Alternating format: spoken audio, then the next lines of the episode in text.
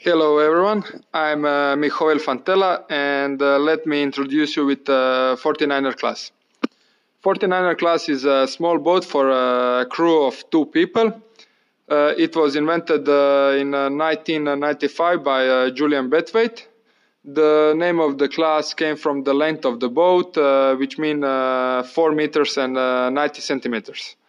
The boat uh, has uh, three sails, uh, the main jib and uh, gennaker. What is important about uh, 49er class is that uh, everything on the boat uh, is specially designed and you can buy parts only from one boat builder and one sailmaker. Basically, this means that all the sailors has the same equipment. This uh, boat uh, became a part of uh, Olympic family in uh, 2000 in Sydney. Uh, today, this boat is a part of uh, Olympic Circle because it's very attractive. it's a very fast boat. The maximum speed of the boat is around 25 knots. Like I said, the boat is designed for two sailors and both of us uh, are hiking on the sides uh, on the trapeze lines.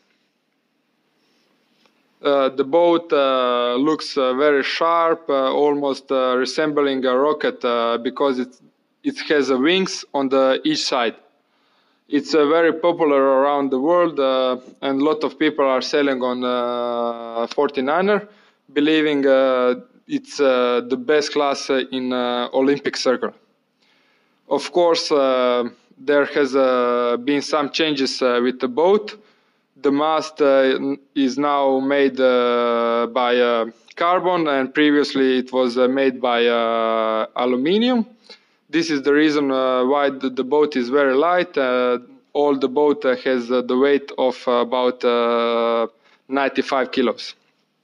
If you want to, to see 49er in action, make sure to watch uh, me and my brother Shime at the next Olympics uh, in Tokyo.